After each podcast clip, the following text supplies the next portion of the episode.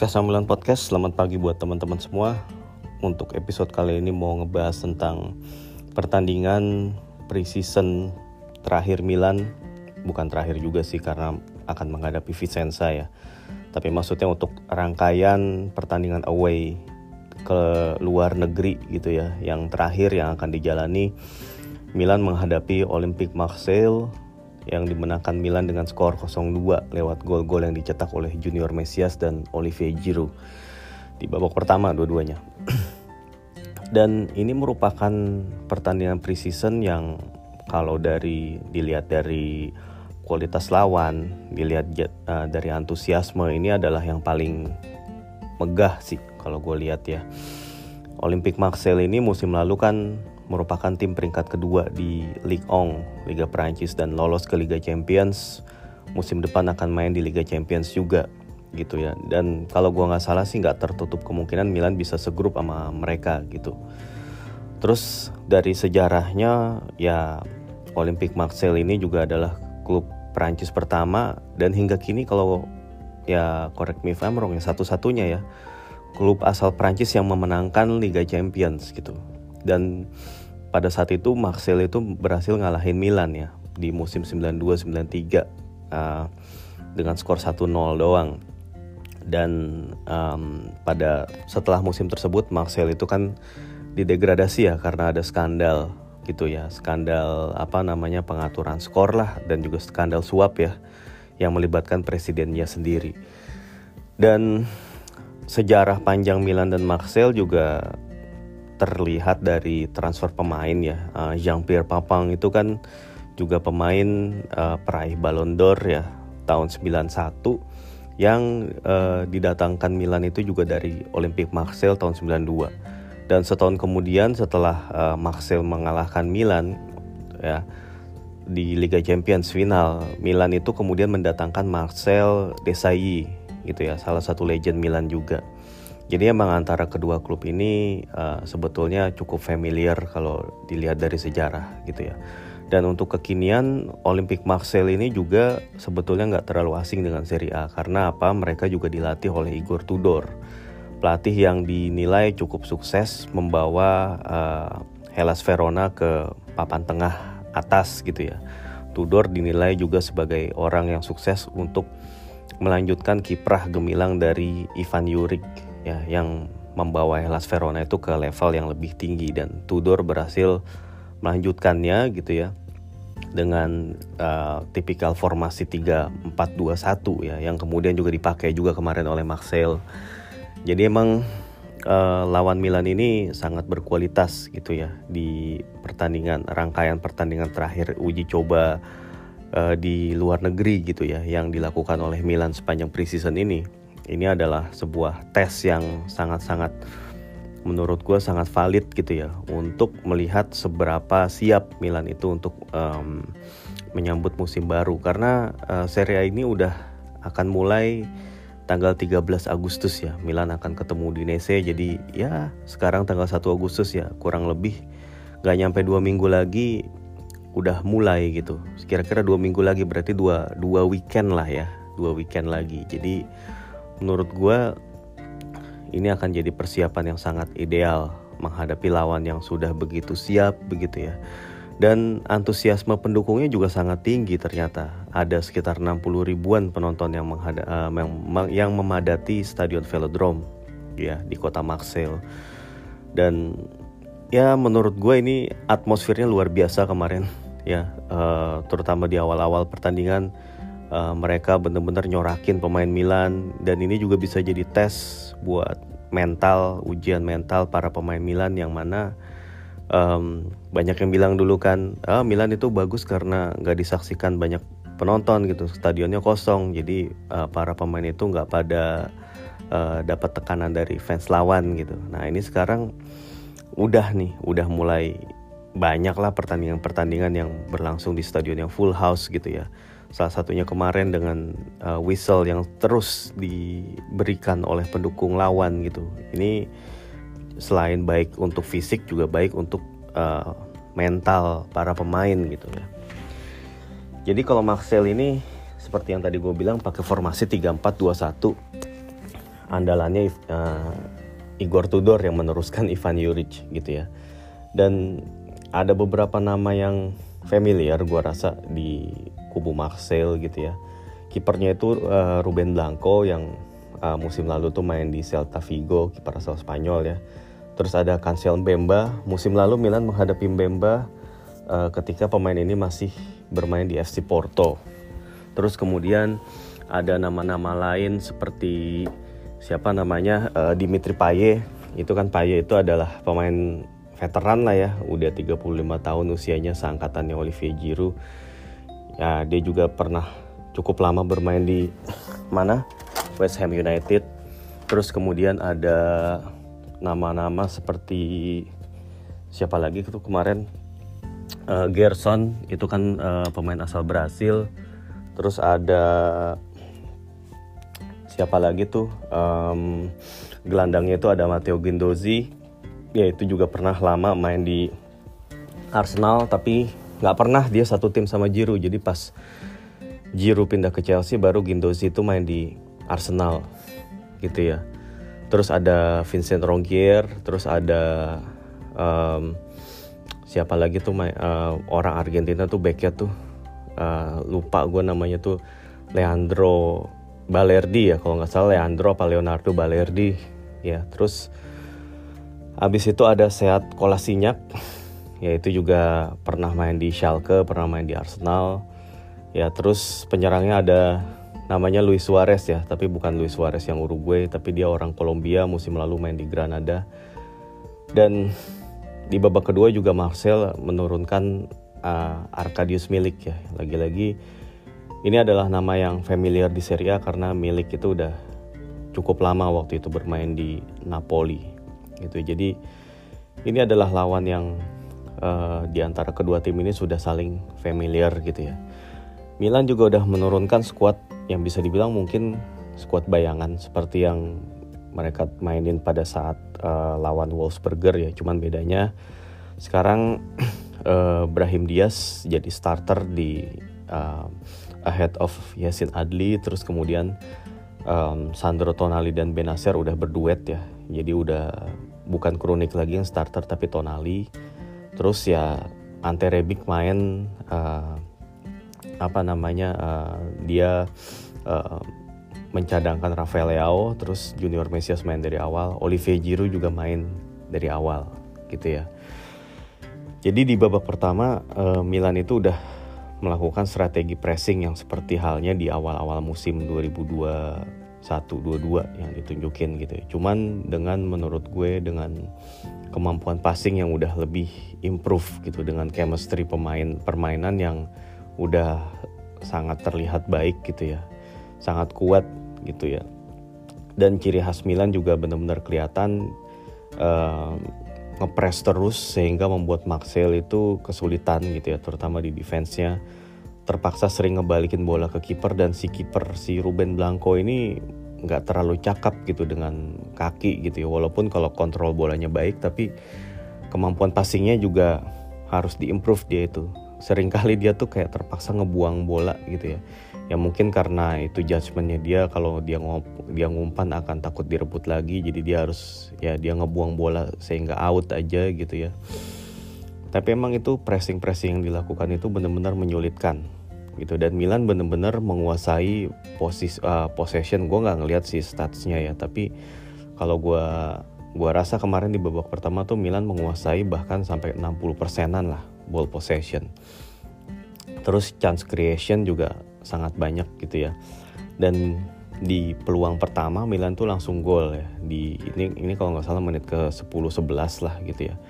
Cuman uh, butuh waktu kayak 11 detik bola dari belakang udah langsung kemudian uh, jatuh di kaki Junior Mesias gitu ya. Jadi ini awalnya pergerakan dari Theo. Ini Theo emang punya apa ya speed gitu ya, punya game intelligence yang luar biasa di sini dan menjadi uh, bagian penting dalam taktik menyerangnya Pioli. Seperti yang gue bilang kemarin dan kemarin uh, Theo uh, nunjukin lagi gitu ya. Dia ketika mematahkan ketika Milan mematahkan serangan lawan, bola jatuh di kakinya Theo. Theo langsung uh, melakukan umpan panjang long passnya itu tapi nggak yang lambung tapi long passnya itu yang bola datar yang dia tujukan kepada Jiru tapi kemudian ada back yang menghalau bola dan bola itu jatuh lagi ke Theo Theo itu ngontrol bola coba ngontrol bola lagi tapi terlalu keras kontrol bolanya nah di sinilah datang Ante Rebic memberikan bantuan jadi kalau lu lihat ketika si Theo itu memberikan umpan kepada Jiru Rebic itu tadinya tadinya dia tuh melebar ya di sisi sayap. Dia tuh lari ke tengah, lari ke dalam.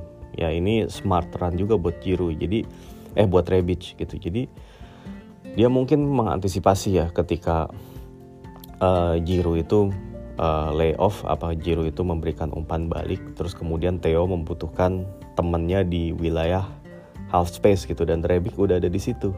Dan ketika bola itu mental dari dengkulnya Theo udah ada Rebic yang mengamankan bola dan langsung uh, back heel ngasih ke Theo untuk lari lagi. Dan Theo juga dari situ cepat dia nggak nggak terlalu banyak lari lagi dia ngasih umpan ke Brahim dan Brahim kemudian dengan first time tanpa dia mengontrol bola dia langsung first time ngasih ke Mesias Mesias sekali kontrol ya langsung nembak dan itu gol gitu. Dan itu adalah tembakan yang sulit ya buat Mesias karena uh, ketika dia dapat bola dari Brahim dia kontrol sekali bolanya itu mantul gitu bouncing ya. Dan namanya juga bola yang mantul yang nggak nggak nggak di tanah gitu. Ketika ditembak itu kadang-kadang ya kalau uh, shooting teknik lu tuh nggak bagus bola itu bisa melayang ke mana gitu. Tapi ini Mesias uh, shoot tekniknya bagus banget. Dia bisa nendang dengan presisi dan dengan power yang cukup ya. Dan itu sulit untuk diantisipasi oleh kiper. Ini sedikit mengingatkan gue pada golnya Olivier Giroud ke gawang Cagliari musim lalu yang di awal-awal pekan itu. Dan bola dari Brahim Diaz itu kan ya mungkin karena kualitas lapangan San Siro ya bolanya itu bouncing dan kemudian Giroud itu dengan baik uh, melepas tendangan gitu ya. Nah ini Mesias juga kemarin gitu cuman bedanya ini bukan karena rumput lapangan tapi uh, first touchnya Mesias yang membuat bola itu agak uh, agak mantul tapi kemudian terus ditendang dengan kaki dalam lagi nendangnya. Bukan dengan uh, apa istilahnya kura-kura ya. Kalau kata orang sini kan uh, tempurung kura-kura kaki gitu. Nah kalau kemarin Mesias tuh dengan kaki dalam sehingga akurasinya itu uh, bisa lebih apa ya bisa lebih apa ya lebih akurat lah tendangannya gitu. Itu menurut gue gol yang keren sih. Dan buat Mesias sendiri ini gol ketiga ya sepanjang sepanjang preseason ya dia waktu lawan Lemina Almeno nyetak gol terus pas lawan Wolfsburger nyetak satu gol dan kemarin nyetak satu gol. Gitu. Terus um, kemudian menit-menit ke 20-an sekian lah ya hampir menit 30 Milan nambah satu gol lagi. Uh, kembali Mesias yang menjadi uh, punya peranan penting ya. Dia nerima bola dari Calabria dari belakang umpan Calabria bagus banget presisi pas jatuh di dadanya Mesias Mesias sekali kontrol langsung dia accelerate gitu ya. Terus ngasih umpan dia cutback ya. Jadi Olivier Giroud itu nggak nunggu di mulut gawang tapi dia agak mundur gitu ya. Mesias cutback Giroud dengan finishing yang bagus ke tiang jauh itu berhasil menambah skor jadi 2-0 untuk Milan. Dan uh, kemudian setelah itu juga Milan dapat peluang ya. Ada Brahim Diaz yang uh, dalam satu momen dia berhasil nyerobot bola ngelepasin tendangan di tepis oleh kiper. Terus kemudian uh, Mesias dapat uh, peluang nembak lagi tapi kembali ditepis oleh si Ruben Blanco. Dan Mesias di akhir-akhir uh, babak pertama juga dapat umpan terobosan yang bagus dari, dari Calabria. Cuman ketika dia mau cutback nggak ada pemain yang di dekat dia dan akhirnya dia mutusin untuk nembak tapi ya tendangannya masih bisa ditangkep. Gitu dan ya tuh di babak pertama sih menurut gue permainan Milan sangat bagus sangat cair.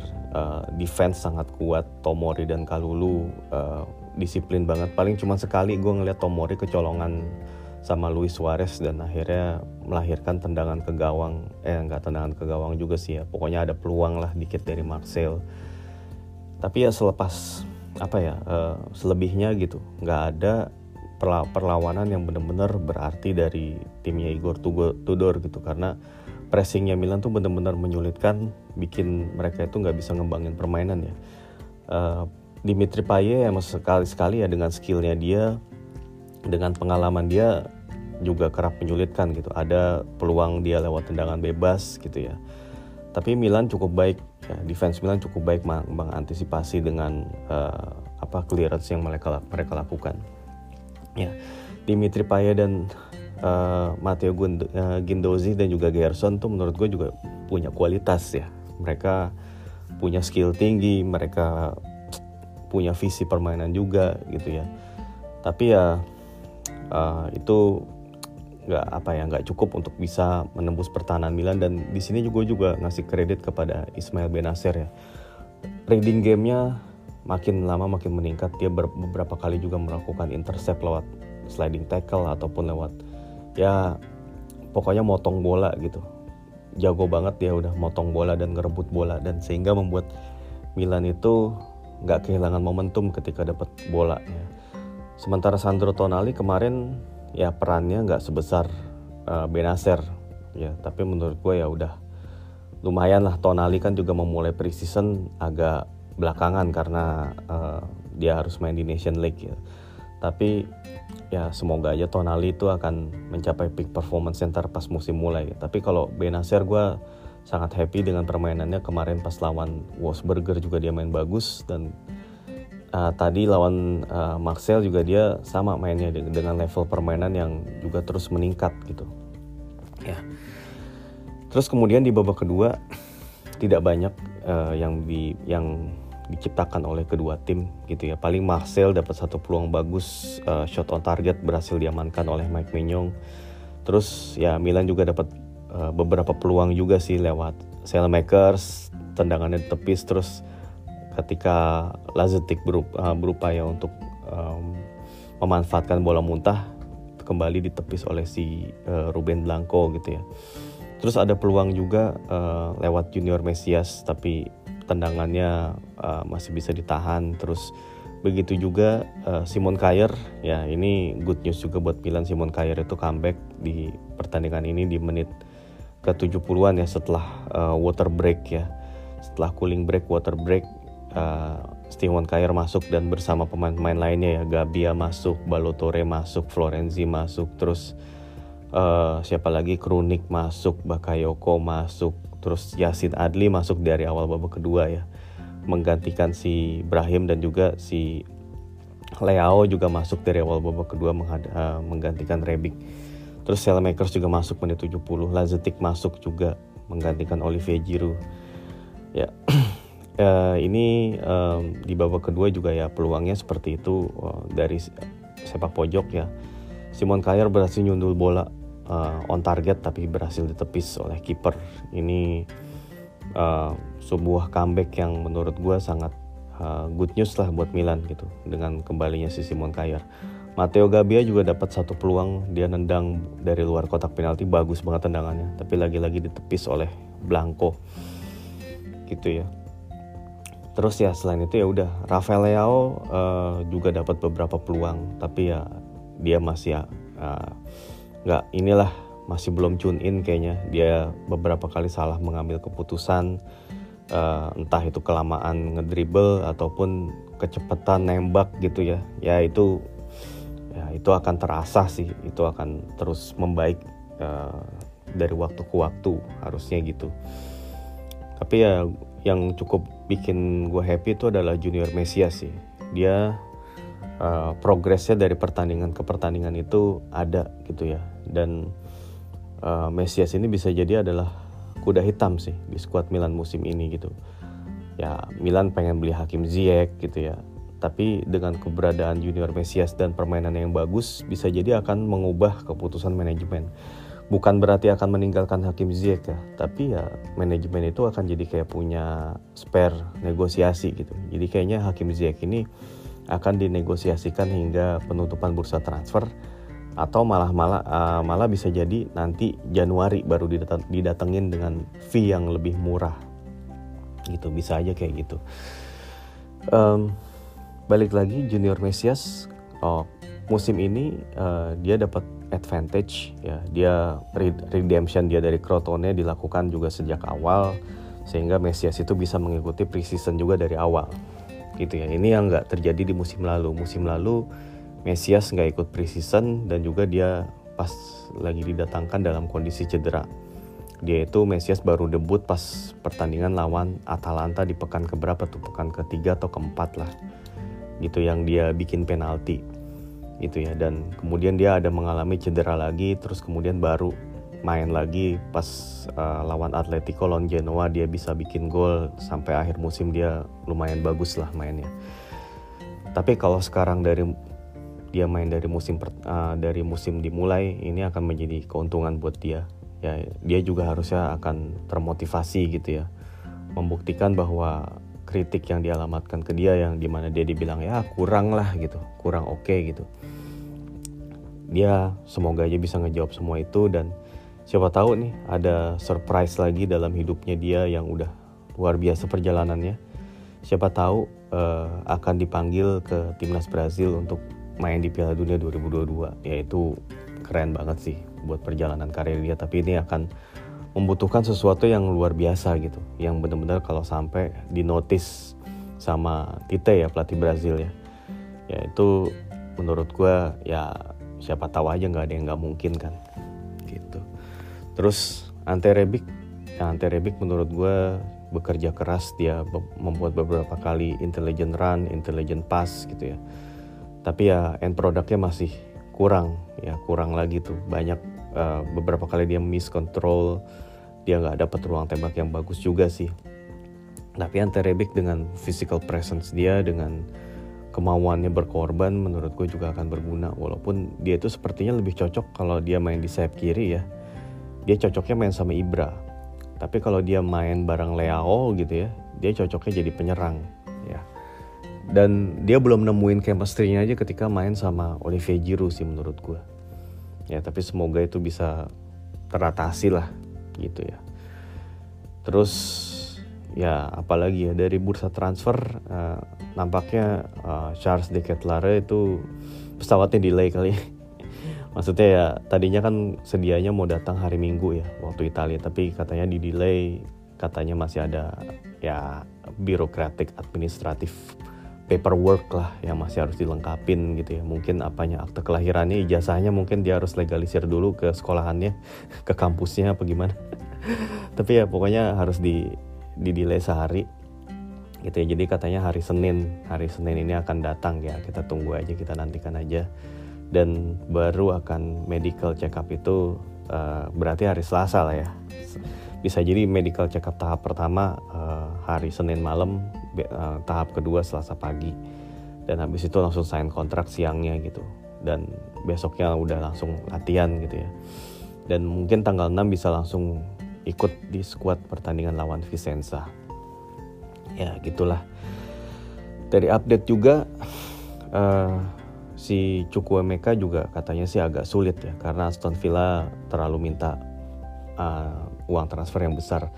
Jadi ini membuat Milan itu masih berharap pada Renato Sanchez yang mana Milan udah mencapai katanya kesepakatan dengan Lille dengan nilai 15 juta euro. Cuman si Renato-nya ini masih penasaran nungguin PSG ya yang mana PSG itu kalau mau memberikan slot kepada Sanchez dia harus melepas tiga pemain katanya Idrissa Gueye terus kemudian uh, Leandro Paredes sama satu lagi Wijnaldum nah Wijnaldum dan Idrissa Gueye ini udah selangkah lagi pergi ya Wijnaldum katanya akan ke Roma sementara sementara Idrissa Gueye itu akan katanya balik lagi ke Everton tinggal uh, Paredes nah Paredes ini lagi-lagi kunciannya di Juve nah Juve itu kan uh, kemarin uh, sebelum pertandingan persahabatan mereka lawan Real Madrid ya di preseason ada kabar Weston McKennie itu uh, cedera dislocated shoulder ya.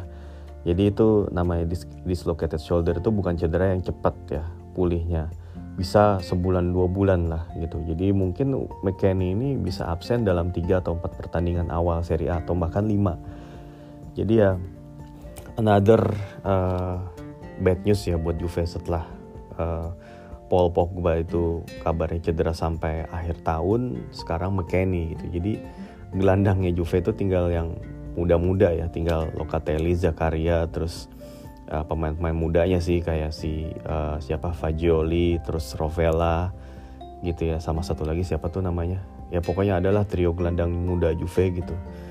Ya tapi ya si Allegri kan si percaya banget gitu ya. Tapi ya nggak tahu ya. Dan ini maksud gue di sini adalah uh, poin gue di sini ngebahas Juve adalah uh, situasi ini bisa membuat Juve itu memutuskan untuk accelerate uh, kedatangan Paredes. Yang mana Paredes itu juga kabarnya di selain diminati Juve juga diminati Chelsea kalau gue nggak salah. Jadi Juve harus gercep nih. Tapi kalaupun misalnya Juve itu ternyata gagal nggak dapetin Paredes, mereka juga katanya menaruh minat kepada Miralem Pjanic, yaitu mantan pemain mereka yang sekarang main di Barcelona.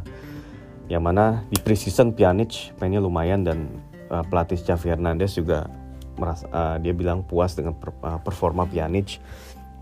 Ya, tapi Juve juga punya ini sih ya punya alasan gitu untuk merekrut kembali Pjanic gitu ya. Cuman ya fee-nya gue nggak tahu berapa dan mungkin mereka bisa dapetin dengan uh, uang yang didapat dari penjualan Arthur. Ya. Arthur itu juga kabarnya mau dijual gue lupa ke mana. Ya Aaron Ramsey kan juga udah dilepas gitu ya. Jadi benar-benar Juve ini kurang dari sisi jumlah gelandang gitu ya. Belum lagi gelandang serang mereka cuma punya si selain Angel Di Maria uh, mereka punya siapa lagi tuh?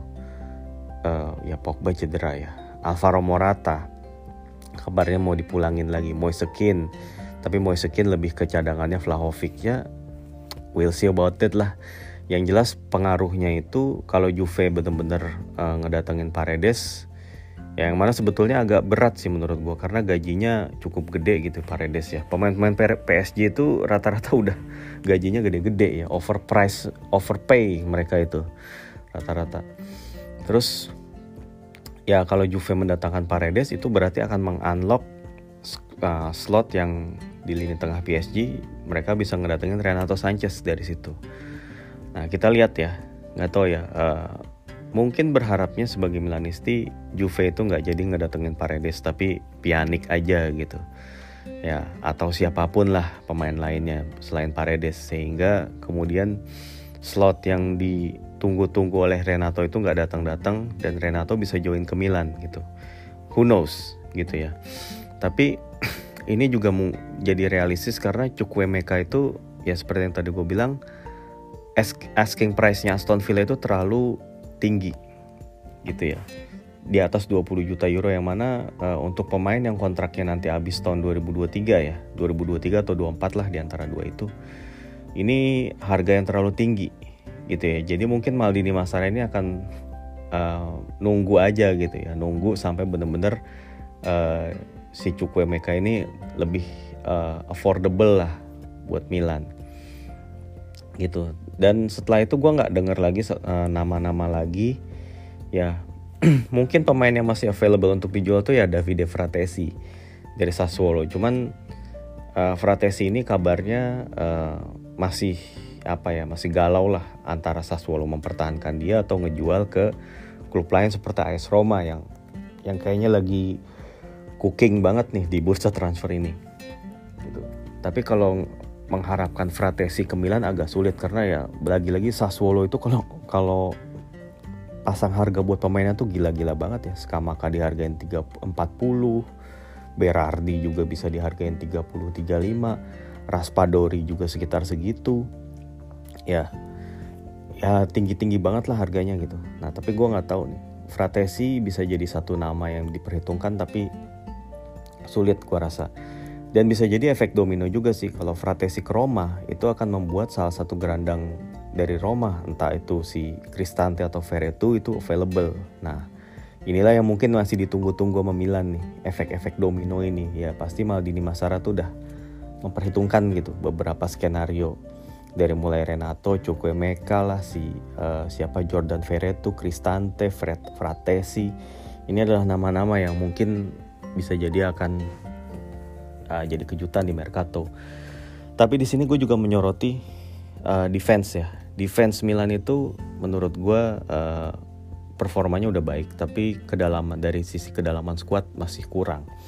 Simon Kayer ya baru bisa main paling kayak 10-15 menit, nggak bisa maksain dia juga. dia jadi uh, third choice of center back masih oke okay.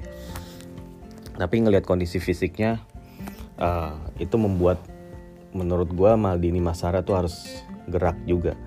Dan uh, Matteo Gabbia juga diminatin sama Sampdoria. Kalau emang apa Gabbia cabut juga butuh berarti setidaknya satu atau dua back lah gitu. Uh, kontendernya masih Tanganga terus kemudian si Evan Dika dan juga si siapa? Ab Abdu Diallo ya. Dika ini dibilang yang paling ideal sebetulnya selain karena dia left footed dia French speaking dia kemudian juga tinggi cepat gitu ya. Ini bisa ngasih variasi kepada Stefano Pioli gitu dengan adanya left footed center back. Ya Nikos Michaelis juga udah di uh, pindah ke Spanyol kabarnya jadi dia nggak bisa jadi opsi juga. Gitu ya. Terus uh, Tanganga itu kemudian katanya jadi opsi yang paling realistis karena Fabio Paratici juga udah berbicara dengan uh, manajemen Milan ya. Dan mereka siap bernegosiasi walaupun maunya mereka itu loan dengan obligasi beli tapi Milan tuh maunya loan dengan opsi beli. Gitu ya. Uh, sama satu lagi tadi ya siapa lagi tadi ya? Si Abdu Diallo. Nah Diallo ini juga di PSG kendalanya paling ya gaji lagi-lagi sih. Kalau lu mau ngedatengin pemain dari uh, eh, PSG gitu ya. Kita nggak tahu uh, apakah PSG itu mau ngelepas si Diallo gitu ya ya kita lihat aja nantilah uh, perkembangan transfer yang melibatkan banyak klub ini tentunya menanti efek domino juga. Cristiano Ronaldo bakal ke mana? Apakah akhirnya dia stay di MU terus si siapa Mauro Icardi bakal ke mana? Ya terus kayak si ya banyak lah gitu ya. Ini tim masih kayak masih menunggu gitu. Inter tuh nunggu uh, Alexis Sanchez dilepas gitu ya. Terus nunggu juga kayak Gagliardini dilepas baru mereka bisa gerak lagi gitu ya. Roma juga ya Roma juga kayaknya masih nunggu nih. Gue nggak tahu siapa nunggu siapa yang ditawar gitu ya. Apa Zaniolo? Tapi Zaniolo sejauh ini yang meminati ini Juve gitu. Tapi Juve itu ya setelah cederanya si uh, Pogba dan McKennie ya prioritas mereka jadi bergeser ke gelandang tengah bukan gelandang serang gitu ya. Ya gitulah Mercato lah seninya ya paling kita tunggu aja sampai akhir Agustus ini deadline-nya uh, kita tunggu kejutan kita tunggu nama-nama yang tadinya nggak muncul tiba-tiba jebret datang who knows lah we'll never know. Oke? Okay? gue rasa ini aja mau gue sampaikan dalam uh, update episode kali ini. Sampai jumpa lagi dalam episode mendatang di Kasamilan Podcast. Ciao